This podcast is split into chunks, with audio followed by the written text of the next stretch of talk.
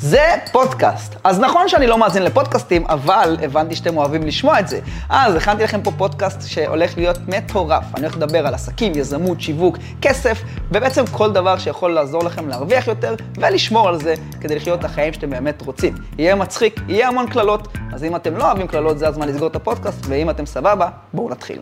כל אחד שלא עשה כלום בחיים שלו מוציא ספר, וזה למה. אתם רואים עכשיו, אנשים מוציאים ספרים על ימין והשמאל, כאילו אין מחר, וכל אחד נהיה פתאום איזה גור גדול למשהו מאוד גדול. הוא אומר, הנה הספר של הילה. אגב, גם לי יש ספר, אבל בואו נבין למה אנחנו מוציאים ספרים. למה אנשים באופן כללי מוציאים ספרים, ולמה זה נהיה טרנד כל כך גדול. נדבר על ספרים שהם סוג של ביוגרפיה, של קורות החיים המורחבות מאוד של מה שעשינו. הסיבה שאנשים מוציאים ספר, זה כי הוא חלק ממשפך שיווקי. אפשר להסתכל על זה גם ככרטיס ביקור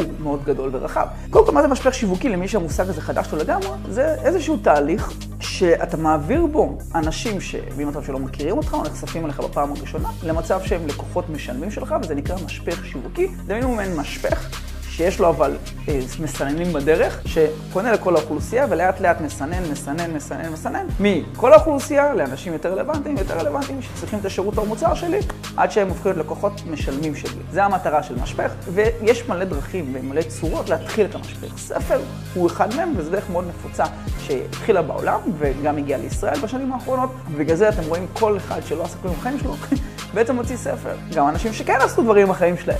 המהות של הספר זה בעצם להעביר אתכם אה, ולייצר לכם איזושהי הזדהות והיכרות הרבה יותר עמוקה ומעמיקה עם הגיבור של הספר או הגיבור של הסיפור. הרי הוא אני, הכותב, או כל אחד אחר שהוציא את הספר שלו. כשת, כשזה קורה, אתם מייצרים איזשהו אפילו, אפשר להגיד, הערצה לדמות הראשית בסיפור בצורה עקיפה, ולא דרך מישהו שאומר בוא תקשיב לי, בוא תשמע את הסיפור שלי, אלא דרך סיפור. משהו שסוחף אתכם לתוך המסע, מכניס אתכם לדמות, אתם חלק מהתהליך. אתם מרגישים שאתם עברתם את זה יחד איתו, אתם מרגישים היכרות הרבה יותר עמוקה. ואז שאתם רואים את הבן אדם, יכולים להגיד, וואי, אני מכיר אותו, על סמך זה שקראתם את הספר, שהוא בעצם סוג של קורות חיים מורחבים של מה שהוא עשה, או הרזומה שלו, או הביוגרפיה שלו, או בשפה יותר עדינה, כרטיס ביקור מאוד מורחב. חבר'ה, המטרה של ספר זה בסוף לגרום לכם לקנות משהו. תזכרו את זה תמיד. וזה בסדר, כי הוא מעביר אתכם תהליך נהדר, ואם לא יהיה בו ערך שהוא פרקטי, אם לא יהיה לכם חיבור לאותו כותב, לגיבור של הסיפור, כנראה שלא תקנו ממנו כלום, ולכן הספר חייב להיות טוב. הוא חייב לתת לכם כלים יישומיים, פרקטיים, מעשיים, משהו אמיתי ללכת איתו הביתה, לקום איתו בבוקר, לישון איתו בלילה,